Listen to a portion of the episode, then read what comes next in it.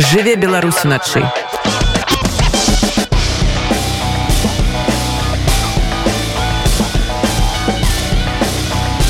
беларускія ноцы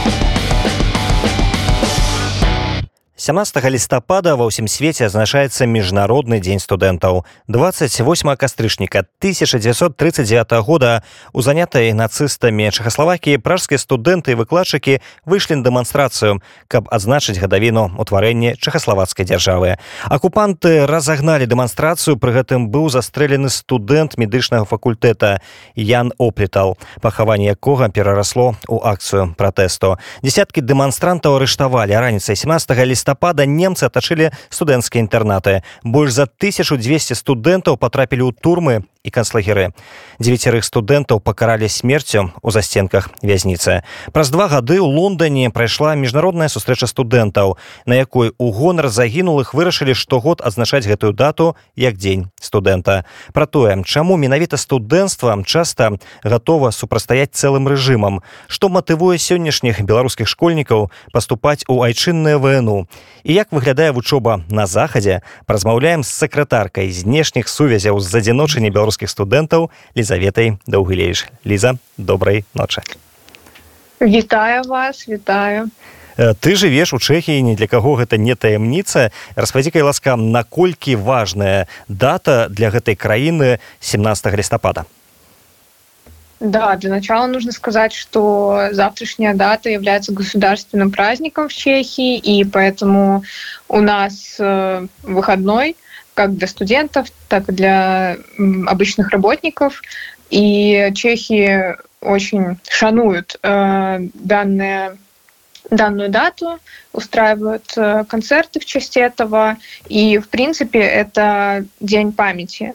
И на самом деле, если мы посмотрим на Беларусь, 17 ноября также празднуется День студентов, но это какая-то развлекаловка для студентов обычно, но, как мы видим, в Чехии, где все-таки они об этом помнят, э, это э, дань памяти. Ну, вось глядзі сённяшняе студэнцтва ў беларусі і ў чэхіі. Яго можна назваць э, нейкай такой супольнасцю якое гатовае змагацца з несправядлівасцю як гэта было ў 39 годзе ў чэхаславакіі. Ці ўсё ж такі гэта зусім іншыя структуры з рознымі падыходамі і бачаннем свету Ну, мне кажется, что все-таки у нас есть что-то общее и что-то отличительное друг от друга. Во-первых, студенты показали в 2020 году, да и раньше, э, что они не согласны с режимом Лукашенко, и они готовы противостоять и показывать э, то, с чем они не согласны именно, как это было и в Чехии. И студенты, в принципе, по всему миру, то есть не только в Чехии, э, первыми выходили на протесты и как-то формировали вот эту протестную супольность. Э, в Беларуси же студенты просто э, приеднались до общего протеста. Возможно, потому что все протесты начались в августе, и студенты только вышли на занятия в сентябре и уже показали в своих университетах, как нужно протестовать красиво, креативно, что как бы мы и далее показываем чэшскім студентам да, але просто вельмі сейчас... вельмі дзіўна што напрыклад у свой час вяртаючыся зноў гэта 39 год mm -hmm. чэшскія студэнты яны ж выходзілі разам з выкладчыкамі А вось нейкай такой супольнасці глобальнай вялікай супольнасці выкладчыкаў чамусьці ў беларусі не было Да, это тоже свой вопрос. Мы прекрасно понимаем э, позицию преподавателей. Однако, э, ну, стоит сказать, что все-таки преподаватели нас тоже поддерживали, только в своем стиле, возможно, и не так публично, как это делали студенты. Но отрицать это мы явно не будем, потому что они также э, приедновывались к нашим видоизворотам, к каким-то совместным э, деяниям и так далее. Ну, вось калі давай все ж таки закончым это 39 год тады просто mm -hmm. студэнты гэта былі ледзьве не эліта нацыі ва універы поступали ну не такая вялікая колькасць людзей як цяпер. А цяпер мне здаецца у вну ну вушыцца літаральна ўсе каму не лянота. Вось гэты фактор змяняе увогуле студэнцтва як супольнасць паніжаецца яго ўзровень дзякуючы таму што яно стало агульнадаступным і вартасць вышэйшай адукацыі яна не такая як была десяткі гадоў таму Да, к сожалению, мне придется согласиться с тем, что сейчас в Беларуси в университеты идут э, фактически все, кто закончил э, среднее образование. Э, парни идут для того, чтобы э, им дали отсрочку от э, воинской службы, а девушки, ну, кто-то, конечно, идет для того, чтобы получить э, специальность и чтобы работать по профессии, но сколько мы видим людей, которые просто не знают, для чего они пришли в университет и что они планируют делать в нем. И также нужно сказать, что университеты в большинстве своем не отчисляют э, студентов. Мы сейчас не говорим про политические мотивы э, за прогулы, за какую-то несданную сессию. Такого в Беларуси ну, нет отчислений. Э, что нельзя сказать про европейские университеты, где я учусь? Здесь довольно легко быть отчисленным за неуспеваемость или в принципе за прогулы добра а чаму у беларусі студэнтаў не адлічваюць вероятно для того чтобы э, наша супольнасць была больш адукаванай мне кажется. И это красиво писали на бумажках на отчетах что э, столько-то студентов закончили университет и потом кстати говоря пошли по распределению. Э, мы с тобой яшчэ абмяркуем размеркаванне але просто падаецца дыплом гэта ж не паказчык адукаванасці ну конечно в наше время э, диплом это все шутят абсолютно и в интернете э, что они отрымовывают диплом просто как корочку для того чтобы поставить на полку или показать родителям здесь же в чехии или в принципе в европе люди идут дальше Э, на бакалавриат и так далее для того, чтобы, во-первых, э, зарабатывать больше, а во-вторых, ну, это действительно престижно иметь высшее образование, не только бакалавриат, но и э, дальше ученой степени. Дарэчы гэта нейкім чынам адбіваецца на заробках? Тому что мы все ведаем что ў беларусі кандыдат навук атрымлівае дадатковых ледзьве не 50 долларов за ўсе свае гады навуковых дасягненняў і распрацовак. Здесь же я могу отметить так как я обучаюсь на специальности архитектура, э, наши студенты по нашей специальности идут дальше э, получать э, степень магистров для того, чтобы действительно получать больше, и их брали в топовые архитектурные бюро. И я думаю, что такая тенденция прослеживается и на других специальностях. А на захадзе выпускнікі школ адразу ідуць вучыцца ў вну ці бяруць нейкі час, каб вызначыцца, чым займацца далей у жыцці? Вообще, я думаю, что нужно смотреть по разным странам, потому что, например, здесь, в Чехии, э, среднее образование длится до их 19-летия. И мне кажется, это даже в каком-то смысле плюс, потому что э, я много слышала и сама э, зажила такое, что мне 17 лет, я закончила школу, а куда я пойду дальше? Э, и мне кажется, что чешские студенты, уже достигнув совершеннолетия и на год вперед, уже понимают, кем они хотят быть и как идти по жизни. Э, они выбирают э, среднее специальное образование, например, и это не как у нас колледж, это более престижная вещь. А калі казаць пра беларускіх студэнтаў ці ёсць нейкія лічбы колькі цяпер нашых суайчыннікаў навучаецца за мяжой на захадзе к сожалению это очень сложно посчитать потому что каждая страна э, европейская не может сказать точную цифру для даже для нашей статистики независимой, э, просто потому что ну, это законодательство, и мы прекрасно это понимаем.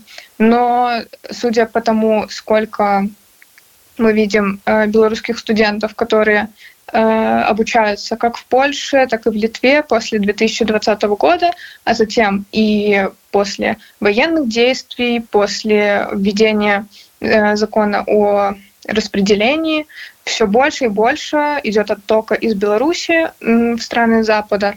Поэтому тенденция для Беларуси, конечно, суровая. і тым часам да у польльше напрыклад не так давно апублікавалі дадзеныя по колькасці замежнікаў гэта апублікаваў адукацыйны фонд перспектывы якому можна давяраць даволі такое папулярнае выданне і па іх інфармацыі на сённяшні дзень то бок у 2023 годзе беларусаў навучаецца ў польльше 12 тысяч. То бок гэта вельмі сур'ёзная істотная лічба ну так конечно И я думаю, что эта цифра будет увеличиваться и увеличиваться со временем, потому что гайки закручиваются в Беларуси, свободы слова невозможно. И, и как я всегда говорю, э, студенты, которые хотят писать какие-либо курсовые работы на тему Беларуси, свободной Беларуси, они просто не смогут это сделать. Для этого им нужно переезжать в страны Э, Запада для того, чтобы просто раскрыть свой потенциал и свободно разговаривать о том, чего они хотят. Но гэта э, хутчэй размова пра гуманітарыяў Таму што у іх могуць быць праблемы а патэнцыйна да, у фізікаў матэматыкаў яны могуць спакойна заставацца ў беларусі і вучыцца па савецкіх падручніках Ну, тут, э, конечно, вопрос возможностях студентов и их семей, но опять же, э, судя по тому, что происходит сейчас в белорусских университетах, а это э, крупная слежка за каждым студентом, за его соцсетями, за подписками в Телеграме, здесь просто нельзя как-то сделать шаг вперед, шаг назад э, и как-то отличиться. Нужно быть подобным до своих студентов, одногруппников, просто для того, чтобы не попасться и не нажить себе врагов в университете.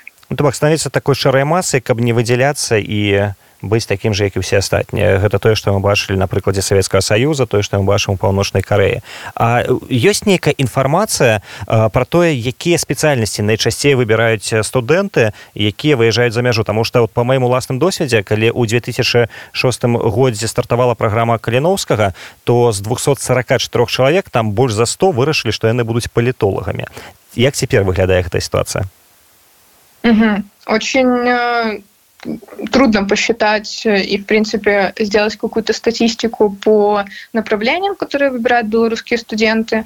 Э, мы знаем, что пользуется популярностью э, филология э, в, с уклоном в белорусский язык. Она как-то даже так специфически называется, эта специальность. Также ну, достаточно много гуманитарных направлений, но я понимаю, что э, если мы берем 2020 год, когда масса студентов э, уехали из Беларуси из-за отчислений, из-за политических репрессий, то они просто продолжали э, обучение на тех специальностях, которые были у них в белорусских университетах. Поэтому это очень такая разностайная э, специализация дарэчы гучыць вельмі дзіўна для тых хто не ў тэме што беларусы выязджаюць беларусі каб вучыць беларускую мову на беларусістыцы Вот я таксама так чытаў што у свой час у твоей арганізацыі там на пачатку 90-х было каля некалькі тысяч чальцоў А распавядзе як цяпер выглядае сітуацыя натуральна не ў лічбах але агулам. Чым цяпер займаецца збс ці звяртаюцца там з нейкімі запытамі ці чымсьці можа дапамагчы студэнцтва якое выехала ці якое знаходіцца ўнутры беларусі? Ну, к сожалению, мы похвастаться тысячами прихильников сейчас не можем, к сожалению, потому что э, ситуация не позволяет. В сентябре 2023 года мы были признаны экстремистским формированием, поэтому связь с белорусскими студентами все усложняется. Потому что мы прекрасно понимаем, что, э, например, если белорусский студент э, столкнется с какими-то трудностями в плане политики в своем университете, будет э, очень сложно ему написать в юридическую поддержку э, задиночных белорусских студентов, просто потому что гайки закручены, и писать в экстремистское формирование ну как-то не хочется. Вот. Э, однако, я хочу напомнить, что у нас существует как раз-таки юридическая команда, которая может всегда проконсультировать по вопросам, связанным с университетом. Э, также у нас есть служба безопасности, которая может проконсультировать с, по поводу гаджетов, как поставить двух, двухфакторку и так далее. Вот. А также мы занимаемся лоббированием кейсов белорусских студентов, которые были отчислены, которые были политически репрессированы на международном уровне. То есть мы рассказываем европейским стейкхолдерам о том, что вообще сейчас происходит в Беларуси. Потому что есть случаи, когда европейские политики уже не знают, что происходит в Беларуси на самом деле. Они думают, что ситуация стабилизировалась, и никто не может просто донести то, что вообще все повторяется с 2020 года. Ну стала горш але гэта таксама стабільнасць я так разумею что на думку еўрапейцаў. Дальше па звестках збс на сённяшні дзень у беларусі больш за тры десяткі студэнтаў знаходзяцца за кратамі. І гаворка менавіта пра тых каго судзілі з 2020 по 22 ці вядома ці цяпер працягваюцца рэпрэсіі у дачыненні да студэнтаў ці ёсць нейкія новыя затрыманні якія адбыліся сёлета Да, конечно. К сожалению, э, все вот эти вот э, задержания по политическим мотивам продолжаются, им нет конца. Э, я должна сказать о том, что «Задзіночанне белорусских студентов каждый год выкладывает такую справаздачу по стану Белорусской академии, в которой мы как раз-таки фиксируем количество затрыманных, также политически мотивованные лечения. И мы, в принципе, даем рекомендации европейским как раз-таки партнерам, стейкхолдерам, для того, чтобы они обратили внимание, э, что все продолжается. И как-то поддерживали студентов, э, делали какие-то стипендиальные программы поддержки, просто для того, чтобы студент, который был как-то отчислен из Беларуси, понял, что он не один, и есть поддержка Запада. А вось на твою думку ці ўдалося ўладам знішчыць гэтае студэнцкае вальнадумство Беларуси? Э, возможно, как-то активничать. Э, конечно, вот мы не увидим активности студентов, как вот э, были три года назад певные сборы, как были какие-то пикеты, но явно государству не удастся искоренить э, вот это вот э, мышление студентов, потому что они могут... так? Да, да, да. Вот именно э, они же могут посмотреть э, даже в интернете, в ТикТоке, как э, студенты учатся на Западе, и сравнить, что происходит у них в университете. И вот э, я думаю, что никакая пропаганда не сможет как раз-таки вот эти все продемократичные настроения изменить. але пры гэтым э, старэйшыя школьнікі таксама абітурыенты ну, таксама зайсці ў інтэрнэты паглядзець як адбываецца навучанне на захадзе у элітных еўрапейскіх універсітэтах. Але яны чамусьці не карыстаюцца гэтай магчымасцю. Здесь э, нейкае разуменне чаму сённяшнія студэнты ідуць у айчынны войну што іх матывуе Ну, нету э, права выбора в Беларуси. И то, что показывает пропаганда, то, что хочет навязать пропаганда, это вот э, единственное, э, в чем можно себя проявить белорусским студентам, к сожалению. Э, поэтому але гаворка ідзе менавіта пра школьнікаў да. якія чамусьці выбіраюць беларускія войну не едуць э, вучыцца на захад. Ну, то бок чаму яны так робяць калі яны разумеюць что ну адукацыя ў беларусі натуральна што не самага высокага ўзроўню а цяпер яна яшчэ максімальна ідэалагізавана ну к сожалению у нас э, в беларуси у такой среднестатистической семьи нет возможности для того, чтобы поддержать ребенка в том, чтобы он поехал в другую страну, э, и для того, чтобы хоть как-то на первое время его обеспечить. И, к сожалению, Белорусский университет — это такой гарант безопасности для родителя, что с ребенком будет все хорошо, он в, это, он в одной и той же стране, что и родитель, и в случае чего э, университет будет как-то следить за ним. Ведь э, тоже нужно понимать, что э, университет и администрация университета думает про студента, что он до сих пор ребенок, несмотря на то, что он уже совершеннолетний, и ему там условно 20 плюс лет, или даже 20, и они все равно, администрация, мог, могут позвонить родителям и, в принципе, доложить ситуацию с успеваемостью своего ребенка. Ну для тых хто вучыўся ў еўрапейскіх універсітэтах это выглядае максімальна дзіўна. А якія галоўныя перашкоды страхі абітурыентаў не дазваляюць ім ехаць вучыцца за мяжу? Вось раней у беларусі да магчыма цяпер быў стэеатып што вучыцца на захадзе гэта вельмі дорага. Акрамя патэнцыйна дарагога навучання. Што яшчэ перашкажае беларусам? Возможно страх обучения нового языка потому что для меня и для моих знакомых это, в принципе, тоже было такой перешкодой, а как мы, в принципе, будем обучаться на иностранном языке, а вдруг мы будем что-то не понимать, а как, вот, и много других вопросов. А, это если поехать э, от Польши еще дальше, э, возможно, это другой менталитет и другая культура, а также некоторые родители могут быть не так подкованы в Э, каких-то западных ценностях и потреблять информацию у пропагандистов и тем самым э, навязывать своим детям мнение, что Запад это плохо и там много мигрантов, э, что делать и так далее. А навучанне за мяжой гэта сапраўды дорого? Нет, конечно, нет. Я обучаюсь бесплатно. Э, прихильники ЗБС, которые обучаются в Польше, также э, обучаются бесплатно. Это некие адмысловыя программы?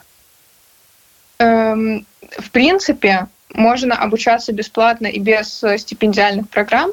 Достаточно просто выучить польский в Польше, чешский в Чехии, немецкий в Германии.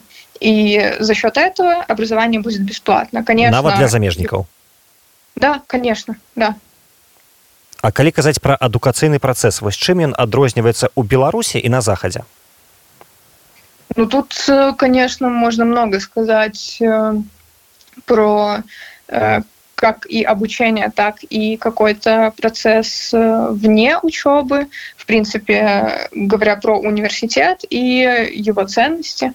Но останавливаясь на обучении, первое, что меня удивило, в принципе, когда я начала обучаться в Чешском университете, это электронная система. Э, преподаватели э, сбрасывают все свои презентации на определенный сайт, и ты можешь их просмотреть в любое время, э, готовиться к экзамену по ним и так далее. Также нет никаких бумажных зачеток. Ну, это, конечно, такие мелочи, но приятно. Вот. Конечно, все оборудование в университетах выглядит по-новому, э, нет никакого вот такого старого, которое сохранилось, я не знаю, с каких времен в Беларуси, э, всяких парт э, и так далее. То есть все выглядит достаточно э, вот модерно, как это модерни, как это говорят в Чехии. Сучасна, як кажуць у Беларусі, А ці ёсць да, нейкія да. мінусы навучання, таму што пакуль все выглядае вельмі вельмі так светла і пазітыўна. Няўжо няма падводных камянёў? Я за два года обучения не нашла, э, в принципе, чтобы меня тревожило в чешском, в принципе, в европейском образовании, потому что даже вот сейчас я вспомнила, что есть э, система Erasmus э, программы, где студент может поехать в другую страну на семестр, обучиться там и познать что-то новое. Конечно, для этого нужен английский язык, но э, европейские университеты делают такие возможности, что было невозможно в Беларуси, к сожалению. Не, белорусы же так само удзельничали в программе Erasmus. Ну, вы же понимаете, что э, до Эразмуса нужно было быть каким-нибудь активистом БРСМ, и то не факт. То есть э, все, кто хотел из э, активистов ЗБС, не попали на Erasmus программы. Калі казаць пра сённяшнюю Беларусь. У гэтай краіне самае цікавае што хапае замежных студэнтаў. І паводле апошніх дадзеных міністэрства адукацыі у беларусках вну навучаецца 33 тысячи замежнікаў і першае месца сярод іх займаюць кітайцы якія як вядома вельмі добра ведаюць ангельскую мову бо у іх прынята яе вучыць. Што замежнікі могуць знайсці ў беларускіх вну? Што іх там прываблівае Да, это интересный вопрос потому что мы также задаемся им время от времени. Но нужно сказать еще о том, что не только э, китайские студенты приезжают в Беларусь, но и студенты из Средней Азии, и учатся они так себе, если честно. И я сталкивалась с этим, и мои знакомые, э, они просто не ходили на занятия, и каким-то чудом они сдавали предметы, которые они впервые видели. Возможно, китайские студенты поступают в Беларусь э, точно по такому же принципу. Не ходить на занятия и получить диплом заочно. А гэты беларускі дыплом ён будзе мець нейкае значэнне у Китае? Возможно, они хотят остаться в Беларуси. Почему бы и нет? вельмі цікавае жаданне для замежных студэнтаў тому что большасць імкнецца все ж таки ў заходнюю Еўропу ну хаця кожнаму свой выбор добра а таксама хацелі мы с тобой абмеркаваць размеркаванне. Беларускія ўлады сцвярджаюць што гэта ледзьве не самае галоўнае дасягненне тому что у плане адукацыйным што яны захавалі гэта яшчэ з часоў савецкага саюза маўляў маладым людзям выпускнікам вну вельмі складана знайсці першую працу іх ніхто не хоча браць а яны як дзяржава прадастаўляюць такую магчымасць. Твоё стаўленне да размеркавання якого чамусьці няма ў Еўропе і людзі чамусьці знаходзяць сабе працу без дапамогі дзяржавы Да, мой взгляд на это, конечно, явно негативный, и я не считаю, что в Беларуси должно оставаться распределение как таковое. Э, может быть, э, не примусовое, то есть университет может помочь э, выпускникам найти работу, но это явно не должно быть каким-то примусом. Потому что мы, в принципе, сталкиваемся с тем, что в Беларуси по Конституции каждый человек имеет право на выбор профессии. И примусовая праца заборонена Конституцией Республики Беларусь. И здесь мы видим противоречие между Конституцией и тем, что на самом деле у нас есть в Беларуси. Э, также сколько мы слышим мнений от выпускников э, в интернете, э, среди активистов, что это просто потраченные два года зря, потому что иногда бывают ситуации, во-первых, что студент, выпускник при, э, приезжает в место, на место распределения. Это какая-то деревня, э, где зарплата ниже среднего, и как жить на такие деньги. Конечно, хорошо, когда живешь у родителей, не нужно платить э, за квартиру и за еду, но другое дело, когда выпускник приезжает э, и остается ні з чым і хіба апошняе пытанне вось па тваіх назіраннях маладыя людзі якія атрымліваюць еўрапейскую адукацыю ці гатовы яны пры неабходнасці вяртацца ў Беларусь каб э, нейкім чынам ну адбудоўваць сваю краіну? І калі не то якіх матываваць на гэтае вяртанне цівогуле не варта гэтым займацца?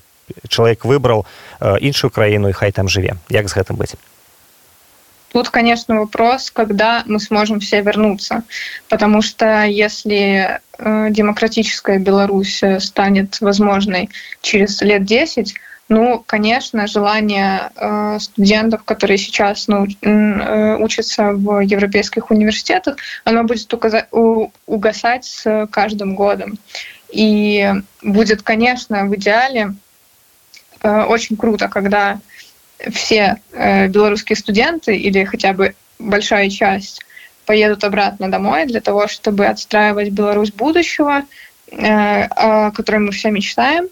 Но если быть реалистами, мы не знаем, когда это случится, и мы все пускаем корни в тех странах, в которые мы эмигрировали.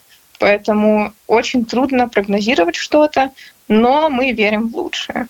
Э, на гэтай пазітыўнай ноце Лізавет развітаемся. Я нагадаю нашим э, слухачам э, што сёння госцей радыонет была сакратарка знешніх сувязяў з адзіночання беларускіх студэнтаў Лізавета даўгулееш. Ліза дзякуй табе яшчэ раз. Дякуй дзякуй. Жыве беларусі начы